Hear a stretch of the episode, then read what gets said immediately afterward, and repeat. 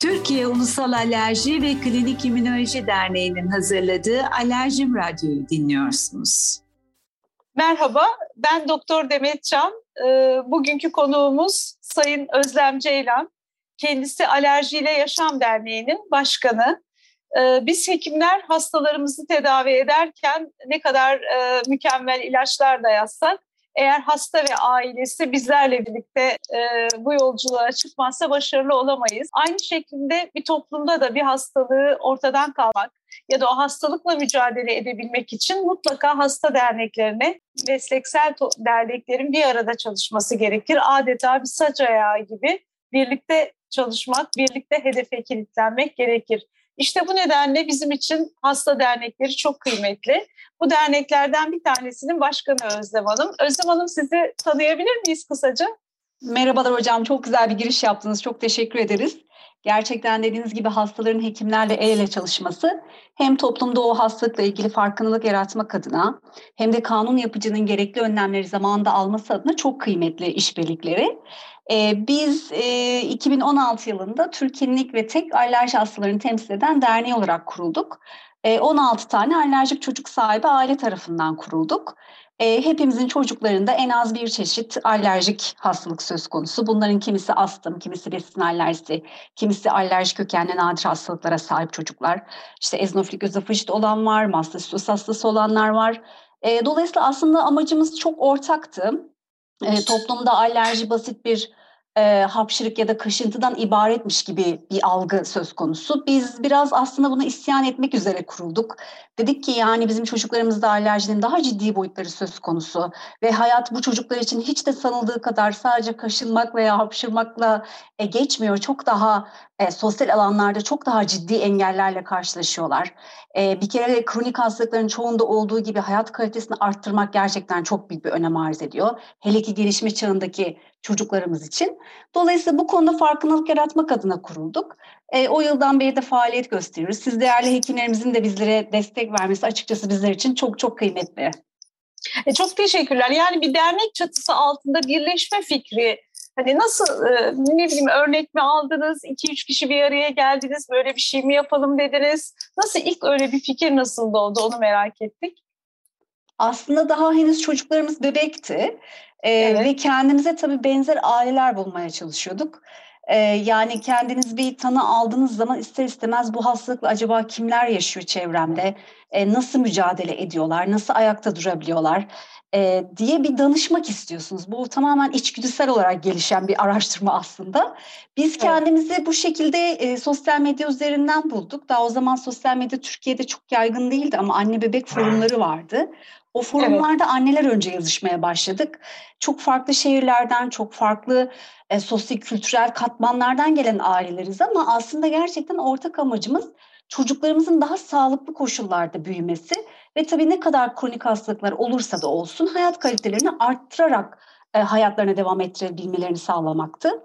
Biz yine de şanslıydık. E, nispeten daha erken tanı alabildik. E, bu alandaki uzman hekimlere erişebildik. E, doğru yönlendirmelerle tedavilerimizi devam ettirebildik ama herkes bizim kadar şanslı olmayabiliyor. E, bunu fark ettikten sonra o aileler adına da bir şey yapmamız gerektiğini düşündük. E, ve çok e, kısa bir zamanda 8 bin gibi bir aile olduktan sonra dedik ki yani sayımız her geçen gün artıyor ve bizim gerçekten kurumsal bir çatı altında sorunlarımızı e, kanun yapıcıya dile getirmemiz ve bunun için çözüm araştırmamız gerekir diye yola çıktık. E, 2016 yılında kurulduktan sonra da şu an 42 bin aileye eriştik. Tabii Türkiye'de bu alanda faaliyet gösteren tek hasta derneği olmamızın da hem avantajları evet. hem de dezavantajları söz konusu. Ama ulaşabildiğimiz kadar aileye ulaşıp en azından onlara e, psikososyal olarak destek vermeye çalışıyoruz. Hı hı. Çok çok tebrikler gerçekten. Peki ilk projeniz neydi? Biz açıkçası hocam yola çıktığımız zaman şunu çok fark ettik. Zaten kendi çocuklarımızı büyütürken de bunun farkındaydık. Ee, internette çok ciddi bir bilgi kirliliği söz konusu. Özellikle böyle tedavisi olmayan kronik hastalıklar gibi özellikle alerji ve astımda bu bilgi kirliliği daha da fazla artıyor. E, herkes size e, mucizevi tedaviler öneriyor. E, herkes size işte e, bilimsel olarak kanıtlanmamış e, dünya alternatif tıp adı altındaki biz bu terime de çok karşıyız. Yani tıbbın alternatif olabileceğini düşünmüyoruz. Tıp e, her zaman gerçekten geçerliliğini koruyan bir bilim dalı. E, dolayısıyla da hani bunun alternatif olmaz ve bu aileleri de e, bu şekilde mağdur olmaktan korumalıyız diye doğru kaynaktan doğru bilgiye erişmelerini istedik. O yüzden e, çok uzun süre e, pandemiden önce yüz yüze seminerler yapmaya çalıştık. E, tabii burada erişebildiğimiz şehirler oldu, erişemediğimiz şehirler oldu. Onlar için de webinarlar düzenlemeye başladık. E, ki ilk düzenlediğimiz webinar Türkiye'nin hemen hemen bildiğim kadarıyla ilk hasta e, webinarıydı. Yıl 2014'tü. E, gerçekten bu alanda uzmanların görüşlerini hastalara aktarmak çok önemliydi. Çünkü bilgi kirliliği nedeniyle çok mağdur olan çocuğa e, rastlıyorduk ve maddi manevi zarar gören ailelere tanık oluyorduk. Bunu önlemek açıkçası birinci önceliğimizdi bizim. Öncelikle eğitime önem verdiniz, farkındalığa önem verdiniz ama ben çok araştırdım, çok fazla ulusal ve uluslararası alanda çok başarılı çalışmalarınız ve aldığınız ödüller var. Biraz da bunlardan bahsedebilir misiniz? E, tabii ki hocam. E, şimdi bizim en çok sorun olarak yaşadığımız şeylerden bir tanesi de hani tanının ve tedavinin dışında sosyal hayatta en çok bizi zorlayan noktalardan bir tanesi de tabii ki eğitim hakkıydı. Çünkü birçok ağır astım hastaları veya e, ileri derecede besin alerjisi olan çocuklarımız özellikle de okul öncesi eğitim kurumları tarafından kayıt edilmiyorlardı. E, biz de bu konuya e, mümkün olduğu kadar farkındalık yaratmaya çalıştık. Okullarda eğitimler de düzenledik. Öğretmenlere, eğitimcilere de eğitimci, e, eğitimleri düzenledik. E, ama 2018 yılında Kartal Belediyesi ile Türkiye'nin ilk ve tek alerjik çocuklara uygun kreşini hayata geçirdik. E, Mevhübe İnönü Çocuk Gelişim Merkezi'nde hem astım hem besin alerjisi hem de çeşitli solunum yolu alerjileri, ilaç alerjileri olan çocuklarımızı e, kabul ediyoruz, kayıt edebiliyoruz. Bu çocukların açıkçası burada güvenli bir ortam yarattığımızı göstermek istemekti amacımız. Biz tabii ki eğitimde bir ayrıştıralım ve bu çocuklara ayrı okullar yapalım değil niyetimiz. Sadece burada bu pilot okulda göstermeye çalıştığımız şey şuydu. Çok büyük maliyetler gerektirmeden de bu çocukların aslında sağlıklarını güvence altına almak mümkün. Ee, biz bu okulda mesela bahçeye işte en az polen salan bitkiler e, ektik. Onların organik tarım yapabilecekleri minik bir hobi bahçesi yaptık. Ee, akabinde içerisindeki bütün hava klimaları, özel HEPA filtreleri ve çok sık olarak bakımları yapılıyor. E, akabinde ilaç alerjisi olan çocuklarımız söz konusu. E, bunların kontrolü tamamen orada tam gün görev yapan hemşiremiz tarafından kontrol ediliyor. Astım ataklarına karşı içeride e, tamamen toz önlemek açısından, ev akarı önlemek açısından hiçbir tekstil yüzeyimiz söz konusu değil. Tamamen bütün mobilyalar su bazlı, doğal, ham, ahşaptan. E, bunlara gerçekten çok önem verdik ve besin alerjisi olan çocuklarımız söz konusuydu. Bunlar sadece yemek yiyerek değil, e, o besinin kokusundan veya tenlerine dokunmasıyla dahi anafilaksi geçirebilen ciddi vakalardı. E, bu çocuklar maalesef daha önce hayatları boyunca 5 yaşlarına gelmelerine rağmen hiçbir okul ortamıyla tanışmamışlardı. Dolayısıyla biz bu kreşte onların kendi özgüvenlerini de sağlayabilecekleri bir ortam yaratmaya çalıştık. Güvenli bir ortam yaratmaya çalıştık. Bir yemek kitabımız söz konusu. 2019 yılında yine piyasaya çıkardığımız Çocuk Alerji ve Astım Akademisi Derneği işbirliğiyle bütün tarifler içerideki menümüz bu yemek kitabından baz alınarak yapılıyor.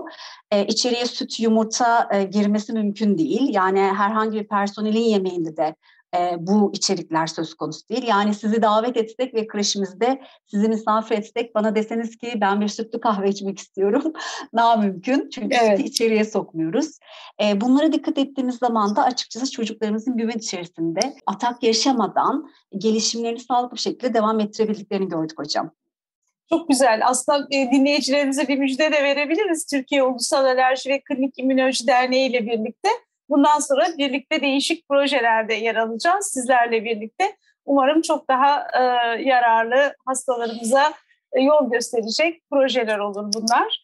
E, bunun dışında ben uluslararası çok büyük bir dernekle kooperasyonunuz var e, Avrupa Alerji Derneği ile. Biraz da bundan bahsedebilir misiniz Özlem Hanım? Tabii hocam biz aslında e, bu ödül alma maceramız birazcık Sabancı Vakfı ile tanışmakla başladı. 2019 yılında onlar bize eriştiler. Sizin faaliyetlerinizi yakından takip ediyoruz sosyal medyada ve Türkiye'nin Fark Yaratanları isimli bir program var. Sizi oraya aday göstermek istiyoruz dediler ve biz bu ödülü kazandıktan sonra e, Güler Sabancı ve sevgili gazeteci Cüneyt Özdemir tarafından bir belgeselimiz çekildi.